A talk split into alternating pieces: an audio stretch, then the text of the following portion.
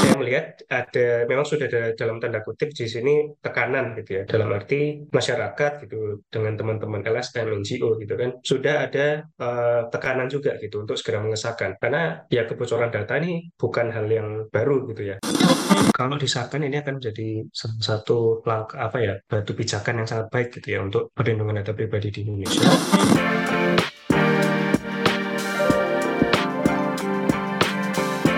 Hai sahabat TCID, kalian sedang mendengarkan podcast Suara Akademia. Ngobrol seru isu terkini bareng akademisi. Biorka adalah salah satu nama yang lagi dicari banget sama netizen Indonesia. Um, salah satu akun yang um, membuka data pribadi beberapa pejabat publik di Indonesia dan ini tuh menjadi topik hangat sampai dengan hari ini gitu ada pihak yang menganggap uh, Biorka ini adalah seorang pahlawan karena bentuk protes, tapi ada yang bilang juga justru aksi Biorka ini menunjukkan bahwa perlindungan data pribadi di Indonesia itu masih perlu ada perbaikan, ya. DPR uh, eh, sempat membuat statement bahwa RUU perlindungan data pribadi akan segera disahkan melihat kasus ini. Dan apakah ini sebuah panic move atau justru memang urgensi yang seharusnya udah dari dulu-dulu diambil uh, sama pemerintah dan segera langsung dieksekusi dan dimatangkan gitu. Selamat datang di Suara Akademia, saya Muhammad Syarif, podcast produser dari The Conversation Indonesia. Dan untuk episode kali ini kita bakal coba ngulik soal RUU PDP yang sepertinya lagi digenjot buat segera disahkan bareng sama Mas Faiz Rahman. Ini adalah dosen dan juga peneliti dari Fakultas Hukum Universitas Gajah Mada Yogyakarta. Kita uh, ngobrol dulu nih kayaknya flashback sedikit ke beberapa waktu di belak uh, ke belakang gitu ya. Um, kebocoran data mulai terdengar lagi isunya semenjak Biorka mengklaim gitu. Dia punya data 1,3 miliar kalau nggak salah waktu itu statementnya. Data ponsel yang didaftarkan menggunakan uh, eh, NIK begitu.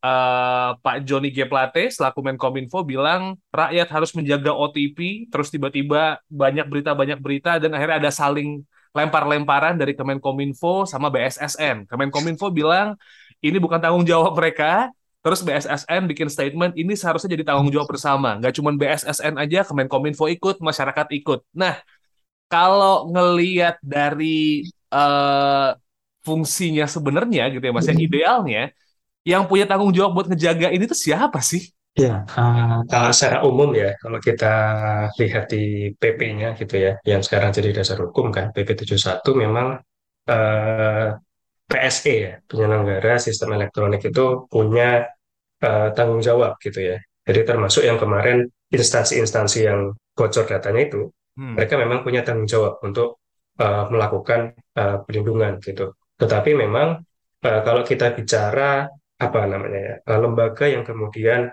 punya kewenangan atau punya uh, otoritas gitu ya untuk kemudian uh, melakukan apa namanya ya upaya-upaya uh, juga gitu dalam rangka uh, pelaksanaan perlindungan data pribadi memang uh, sebenarnya di Kominfo gitu ya hmm. karena uh, untuk data pribadi ya kita bisa data pribadi dulu karena memang uh, dari PP yang lama pun 82 2012 yang kemudian ada Permen Kominfo uh, tentang perlindungan data pribadi dalam sistem elektronik itu memang ketika terjadi adanya apa namanya uh, pengaduan gitu ya atas uh, pelanggaran data pribadi itu termasuk kebocoran itu pengaduannya kepada menteri di Permen Kominfo itu ya 20 2016 yang sekarang pun masih berlaku gitu. Itu kepada menteri menteri menteri Kominfo yang dimaksud. Uh, jadi sebenarnya data pribadi ini berkaitan dengan tata kelola, uh, pengawasan dan sebagainya. Secara existing itu memang di Kementerian Kominfo. Nah, tetapi BSSN ini uh, disebut-sebut gitu kan. Nah, uh, secara umum kita uh, lihat kewenangan BSSN itu memang uh, sebagai lembaga yang salah satu yang utama gitu ya dalam uh, apa perumusan kebijakan berkaitan dengan keamanan siber gitu. Jadi memang uh, eh, BSSN punya peran juga di sini untuk melakukan uh, apa namanya ya upaya-upaya juga dalam rangka uh, pelaksanaan penyelenggaraan keamanan siber di Indonesia. Jadi uh, ya dua-duanya punya peran gitu ya, yang uh, mungkin berbeda, tetapi ya uh, lagi memang saling uh, melengkapi gitu perannya. Mungkin seperti itu sih mas untuk oh. awal. Ini jadi lebih panas lagi ketika uh, di Twitter bahkan uh, ada grup Telegramnya Biorka itu tuh ngebocorin banyak sekali data sampai DPR tuh dalam waktu dekat bakal ngesain RU perlindungan data nih katanya. Uh, minggu lalu DPR bilang pekan depan akan segera mengesahkan RUU perlindungan data gitu kan, data pribadi sorry.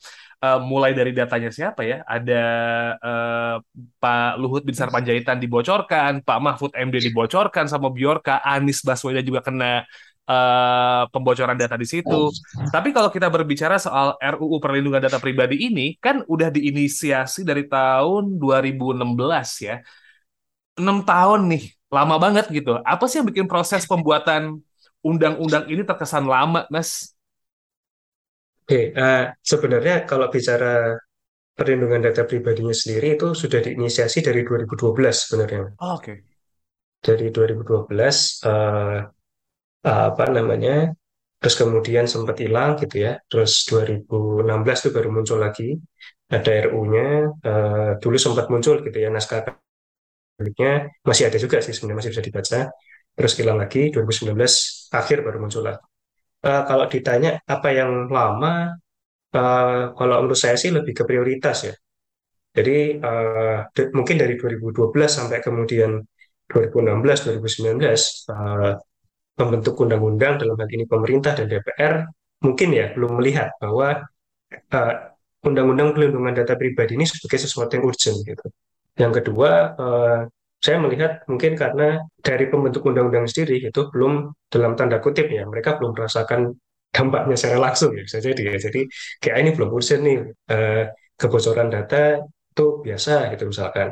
Kayak apa ya mungkin teman-teman uh, pendengar sini juga uh, pernah gitu ya melihat apa kayak bungkus makanan gitu ada KK, KTP kayak gitu-gitu kan fotokopian fotokopian nah, itu kan uh, mungkin ya kemudian dengan melihat fenomena yang terjadi kayak ini belum terlalu urgent ya. Kita yang lain aja lah. Apa undang-undang pemilu gitu misalkan. Yang lebih urgent ya. Ya mungkin ya seperti itu sih. Nah um, ini kan minggu minggu kemarin DPR bilang bahwa kita akan segera mengesahkan uh, rancangan undang-undang perlindungan data pribadi dan segera menjadi undang-undang gitu. Is it a panic move? Karena gara-gara Bjorka nih akhirnya ini baru disahkan. Dulu-dulu kayaknya kartu keluarga jadi bungkus gorengan aman. Kalau di Jogja soal ujian nasional jadi bungkus nasi kucing, nasi kucing ya udahlah. Tapi ketika Bjorka nih ngebocorin data pejabat baru, ini harus segera kita sahkan nih Mas. Panic move or not? Uh, kalau saya sih melihat bisa jadi ya salah satunya itu Uh, satu bisa jadi panic move tadi.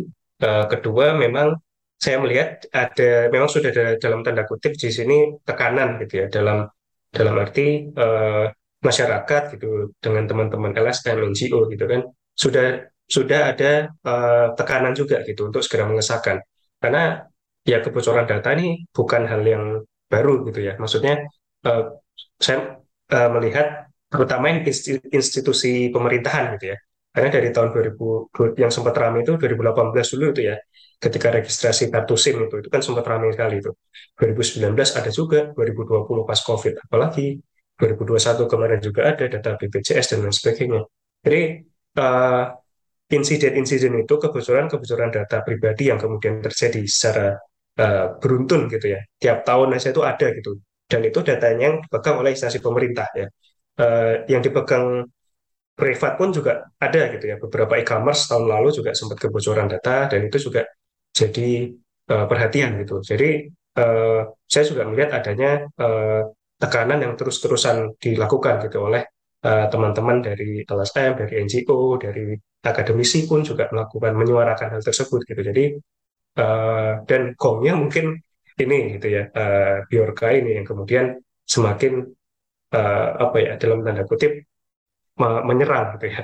Untuk nah udahlah kita buka aja di data uh, pejabat-pejabat nih biar mereka mungkin.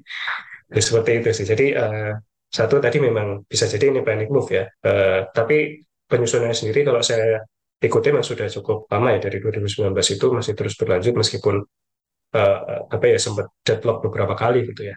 Yang kedua tadi memang sudah ada ya cukup tekanan gitu ya. Bahkan dari tidak hanya LSM NGO gitu, dari teman-teman industri pun juga uh, dari beberapa forum yang saya ikuti itu juga uh, mendorong uh, apa DPR dan pemerintah untuk segera uh, mengesahkan. Jadi mungkin uh, tiga aspek itu ya. Satu tadi dari apa uh, itu yang kemudian semakin jadi gongnya, yang kedua dari teman-teman uh, akademisi LSM dan yang ketiga memang ada kebutuhan dari uh, industri dan bisnis gitu ya untuk uh, punya dasar hukum gitu karena kan uh, industri dan bisnis juga mereka melakukan apa namanya uh, transfer data yang itu mungkin tidak hanya di lingkup Indonesia gitu, tetapi keluar juga mungkin itu sih. Oke, okay. jadi memang akhirnya urgensinya jadi semakin kelihatan ketika everything goes online, tapi ternyata masih banyak yang bocor. Ini kayaknya ada gongnya dari Biorka yang kayaknya nakal banget gitu ya, sampai semua orang dia doxing gitu loh. Tapi uh, uh, based on artikel yang kayaknya Mas Faiz sempat uh, terbitkan juga di conversation.com gitu, RUU PDP ini juga masih ada sedikit celahnya gitu.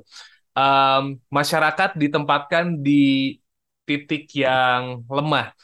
Memang ya kalau dalam proses pembuatan undang-undang pasti juga ada proses bertahapnya. Oh ternyata ini kurang, butuh respons, butuh sudut pandang yang lain karena kan uh, pembuat undang-undang pun juga pengen ngetes atau juga pengen dapat pendapat dari beberapa pihak yang juga kredibel gitu untuk melihat undang-undang ini. Nah kalau dari RUU yang sekarang nih mas gitu, apakah memang harus ada yang diperbaiki lagi? Adakah yang memang kayaknya ini masyarakat bakal jadi dipersulit atau gimana mas? Atau gimana nih kalau dari naskah yang sekarang?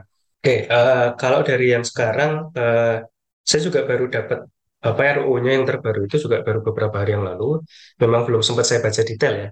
Tapi ada salah satu hal yang kemudian uh, saya cermati, kebetulan pas saya baca itu, saya bandingkan dengan yang rumusan lama kok beda gitu. Yaitu kaitan dengan prinsip perlindungan data pribadi ya.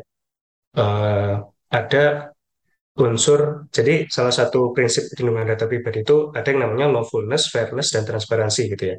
Uh, nah, fairness ini hilang gitu. Oke. Okay. di, di salah satu, jadi uh, kalau nggak salah huruf K ya, itu nanti bisa dibandingkan dengan yang uh, versi tahun 2019 yang mungkin juga udah berubah ya, karena kan yang uh, bisa kita akses publik itu kan ya dua itu. Gitu. Itu unsur fairness-nya hilang, jadi uh, kepatutannya atau apa bahasanya saya lupa bahasa Indonesia itu itu kata itu hilang. Gitu. Nah saya nggak tahu ini apakah memang sebelumnya sudah sudah uh, memang hilang gitu dari diskusi itu sebelumnya atau uh, memang baru yang ini gitu hilang. Nah, itu saya nggak tahu apakah ada intensi tersendiri atau mungkin memang menggunakan bahasa yang lain atau ditempatkan di tempat yang lain. Itu uh, saya belum terlalu detail membacanya. Yang kedua, uh, berkaitan dengan apa? Kalau saya bilang itu lebih ke pengecualian-pengecualian ya. Yang kemudian sebenarnya kalau kita perhatikan uh, pengecualian dalam RUU PDP ini uh, lebih banyak kemudian dalam tanda kutip di sini ya, lebih banyak dapat diterapkan oleh uh, lembaga publik gitu. Jadi uh, kalau nanti coba teman-teman bisa baca gitu ya di RUU PDP-nya ada pengecualian dalam uh, perlindungan data pribadi. Jadi uh, ketika memproses data itu bisa dibypass nih uh, hak-haknya subjek data itu bisa dibypass uh, dengan uh, catatan gitu ya. Jadi uh, pengecualiannya misalkan untuk kepentingan penyelenggaraan uh, pelayanan publik misalkan atau untuk kebutuhan uh, penegakan hukum kalau nggak salah gitu ya. Jadi yang seperti seperti itu itu bisa di bypass nih hak-haknya subjek data. Tapi kemudian uh, kalau kita bandingkan dengan yang pasal-pasal uh, yang lain gitu ya, uh, itu ya tadi cenderung apa ya privat itu mungkin tidak bisa mengakses pengecualian itu ya karena kan ya penyelenggara pelayanan publik ya pasti uh, pemerintah dan lembaga pemerintah yang melakukan gitu kan. Privat uh, ya mungkin ada publiknya gitu ya aspeknya tapi kan susah gitu. Penegakan hukum apalagi. Jadi memang uh, apa ya pengecualian-pengecualian itu yang kemudian uh, dalam tanda kutip di sini bisa juga memposisikan uh, masyarakat di posisi yang uh, rentan gitu ya. Uh, rentannya bukan rentan uh, apa namanya oleh serangan siber tapi oleh penyalahgunaan gitu kan. Uh, oleh penyalahgunaan oleh lembaga lembaga-lembaga yang kemudian uh, bisa mengakses pengecualian pengecualian itu gitu. Nah itu yang kemudian beberapa catatan juga dari um, apa teman-teman uh, LSM juga gitu ya. Beberapa saya diskusi juga um, melihat bahwa ya ini menempatkan uh, subjek data atau ya orang yang kemudian bisa teridentifikasi dari data tersebut di posisi yang lemah gitu.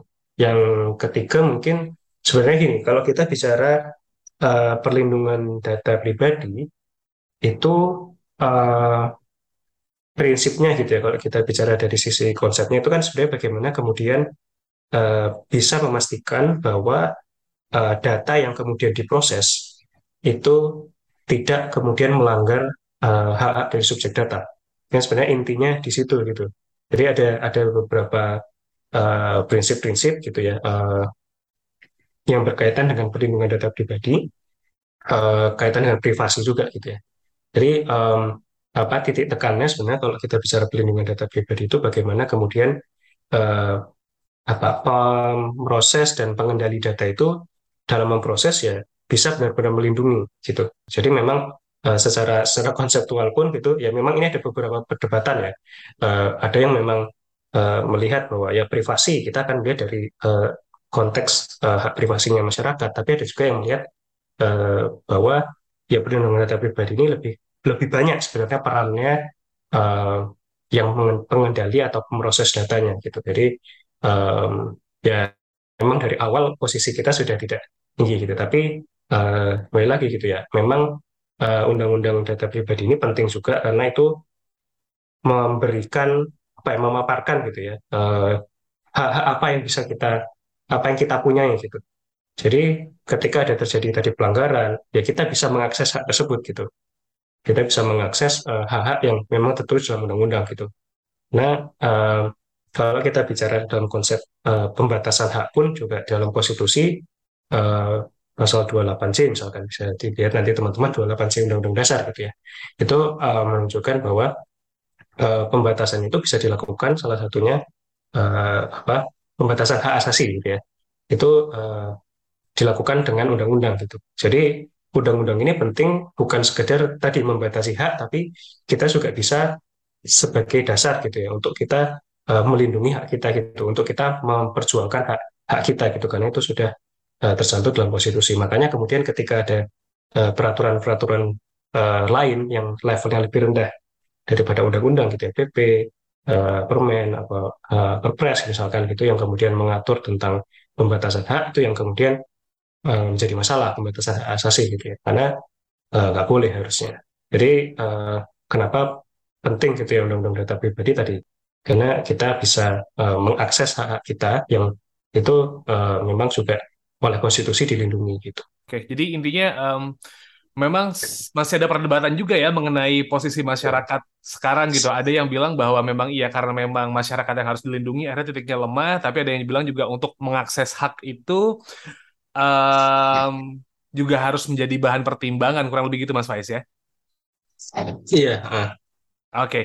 Nah, ini kan masih masih apa ya? Masih dalam tahap penggodokan nih. Meskipun juga sepertinya tanda-tanda dari DPR ini akan segera disahkan gitu, Mas. Pun kalau misalnya ini disahkan dalam waktu dekat dari kita rekaman ini belum ada update anu ya, belum ada update bahwa oke okay, udah ketok palu bahwa undang-undang perlindungan data pribadi sah ya um, ini apakah bakal menjadi sign yang bagus untuk perlindungan siber di Indonesia kah Mas dengan naskah yang ada sekarang gitu dengan catatan yang ada atau gimana nih? Oke, uh, pertama kalau kita bicara sebenarnya dari posisi undang-undang sendiri itu ya bisa dibilang salah satu langkah yang baik gitu ya. Karena akhirnya kita punya eh, undang-undang yang spesifik, komprehensif gitu, mengatur tentang uh, perlindungan data gitu ya meskipun ya uh, ada catatan-catatan tadi gitu ya yang uh, juga menunjukkan ada potensi-potensi bahwa itu bisa uh, disalahgunakan dan lain sebagainya gitu oleh pihak-pihak uh, tertentu gitu. Uh, kalau untuk awal saya, saya kira itu jadi satu langkah yang baik ya, tetapi memang ke depan uh, tetap apa namanya ya perlu dilakukan evaluasi gitu ya uh, terhadap uh, pelaksanaannya, uh, apakah kemudian uh, apa undang-undang data pribadi ini memang sudah bisa memenuhi kebutuhan masyarakat atau ternyata uh, belum gitu. Jadi uh, tetap harus di dikawal juga sebenarnya ya. Uh, apa? Karena tadi mengingat memang ada potensi-potensi tetapi sebagai langkah sebagai langkah awal ini adalah sesuatu yang memang ditunggu-tunggu juga gitu ya oleh teman-teman uh, uh, tidak hanya apa dari kalangan uh, apa LSM NGO tetapi juga dari industri dan lain sebagainya bisnis gitu mereka juga menanti-nanti Indonesia punya uh, ini. Tapi kembali lagi bahwa ya catatan tadi itu memang perlu kita kawal gitu bagaimana kemudian pelaksanaannya apakah kemudian um, pemangku-pemangku kepentingan baik di publik maupun privat benar-benar bisa melaksanakannya? Apakah kemudian nanti ketika terjadi uh, pelanggaran data uh, kebocoran data dan lain sebagainya itu bisa ditindak dengan lebih baik atau ternyata sama aja? Nah, itu juga bisa uh, hal menjadi hal-hal yang memang harus uh, apa ya kita kawal bersama gitu. Dan satu lagi sebenarnya yang uh, tadi sempat kelewat gitu ya, ketika kita bicara uh, catatan tentang RU perlindungan data pribadi ini berkaitan dengan lembaganya gitu ya. Itu kan yang lembaga pengawas nih ya. Itu kan yang uh, bikin deadlock kemarin. Apakah independen apakah kemudian uh, di pemerintah gitu. Jadi uh, dari rumusan pasalnya ini, ini kelihatan modelnya um, apa ya, tet tetap di bawah uh, apa namanya, tetap di bawah presiden gitu ya. Jadi uh, kok kayak KPK kemarin gitu, yeah. model-modelnya gitu ya. Nah ini uh, dan memang itu tidak tidak tidak kalau tidak salah baca ya itu tidak ada kata-kata independen, tidak ada kata-kata mandiri, uh, mandiri gitu ya. Uh, tapi mungkin saya bisa salah, saya agak lupa bacanya, tapi itu sudah bisa jadi catatan tersendiri gitu ya, karena kok bau-baunya ini mirip-mirip gitu ya dengan uh, pembentukan lembaga-lembaga yang sebelumnya. Jadi um, padahal sebenarnya uh, independensi itu penting gitu ya. Kalau kita lihat kemarin gimana tuh uh, apa institusi-institusi yang datanya bocor sudah ditindak belum, sudah dikenakan sanksi belum. Nah, apakah iya misalkan nih yang ngasih sanksi menteri, apakah iya nanti menteri misalkan uh, data KPU bocor gitu. Apakah nanti menteri kasih sanksi ke KPU atau misalkan DPR nih punya data bocor misalkan. Apakah nanti menteri ngasih sanksi ke DPR atau seperti apa? Nah, itu kan juga uh, menjadi apa ya hal yang juga uh, menjadi perhatian gitu ya. Karena um, atau misalnya data data pemerintah gitu ya lembaga lembaga eksekutif gitu. Ini di presiden, apakah nanti ditindak presidennya? Nah, nggak jauh juga. Jadi memang um, Undang-Undang Perlindungan Data Pribadi ini adalah salah satu undang-undang yang memang sudah sangat dibutuhkan. Prosesnya memang butuh waktu yang lama dari 2012 um, sampai di hari ini, almost 10 tahun ya, sudah satu dekade undang-undangnya nggak sah-sah juga. Semoga sih, uh, kalaupun memang uh, bisa segera disahkan, itu bisa memberikan keamanan dan juga kenyamanan buat seluruh entitas yang ada di Indonesia gitu. Nggak cuma pribadi aja, tapi unit bisnis, uh, teman-teman LSM, bahkan pemerintah selaku uh, pemangku kebijakan juga yang ada di Indonesia. Right, Mas Faiz? RUU PDP ya. nih, ada yang disampaikan lagi kah, Mas? Dari semua yang tadi udah diobrolin, Mas? Mungkin satu ya, uh, kalau yang perlu disampaikan, uh, kembali lagi ya, satu tadi, um, RUU PDP ini uh, kalau disahkan ini akan menjadi satu langkah apa ya batu batu batu pijakan yang sangat baik gitu ya untuk perlindungan data pribadi di Indonesia. Uh, tetapi kembali lagi, uh, saya di sini menekankan juga sih untuk uh, tetap mengawal gitu ya uh, pelaksanaan Undang-Undang Perlindungan Data Pribadi nanti apabila sudah disahkan uh, dengan berbagai catatan yang ada juga ya mungkin juga karena pendek move ya udahlah penting sahkan dulu aja itu kan mungkin bisa uh, ada banyak-banyak celah yang mungkin uh, perlu kita kawal bersama. Yang kedua, uh, kebocoran data, terus kemudian um, apa namanya, ada saling lempar tanggung jawab gitu ya, yang kemarin uh, sempat ramai di media itu sebenarnya juga semakin menunjukkan bahwa perlindungan data pribadi itu tidak bisa dilepaskan 100% dari keamanan siber gitu ya. Jadi di sini juga mungkin saya uh, menyampaikan uh, apa ya pandangan saya bahwa uh, pemerintah dan DPR uh, RUU keamanan siber itu juga perlu segera disahkan ya. Ini sempat tertunda juga beberapa tahun, jadi um, karena dua hal ini tidak bisa kemudian berjalan sendiri-sendiri, gitu ya. Uh, keamanan siber juga harus dilakukan karena bagaimana kemudian keamanan siber ini dilaksanakan akan juga menentukan uh, bagaimana kemudian nanti um, data-data itu ya bisa diamankan juga gitu ya termasuk nanti undang-undang data pribadi bagaimana kemudian pengelolaan data pribadi dan lain sebagainya tata kelolanya seperti apa upaya-upaya uh, yang dilakukan seperti apa itu juga akan uh, ditentukan juga gitu ya akan berkaitan juga dengan uh, bagaimana teknis keamanan sibernya. Jadi uh, saya kira dua hal ini memang harus berjalan beriringan gitu ya keamanan siber dan perlindungan data pribadi. Jadi uh, ayo pemerintah dan DPR segera uh, dibahas lagi RUU keamanan sibernya ya. Mungkin itu mas. Jadi holistik ya. Nggak cuman PDP tapi juga keamanan siber juga menjadi urgensi kayak ini kalau PDP udah keamanan siber juga buruan nih disahin biar makin hmm, aman gitu ya hmm, sekali Oke, okay. kalau gitu thank you Mas Faiz Rahman. Selamat melanjutkan aktivitas lagi Mas ya. Semoga lancar-lancar dan sehat-sehat juga. Dan juga Sobat ID, kalaupun memang kamu pengen tahu banyak banget berita dan juga eh, penelitian-penelitian yang di-share sama akademisi mengenai isu-isu yang lagi anget, kamu bisa cek di website kami theconversation.com slash ID and don't forget to follow our social media di at conversationidn itu ada di Facebook, ada di Twitter, ada di Instagram, ada di TikTok Semuanya bisa kamu cek buat tahu update berita dari The Conversation Indonesia. Kalau begitu, saya Muhammad Syarif, as podcast producer dari TCID, and I'll see you on the next episode. Kalian telah mendengarkan podcast Suara Akademia, ngobrol seru isu terkini bareng akademisi.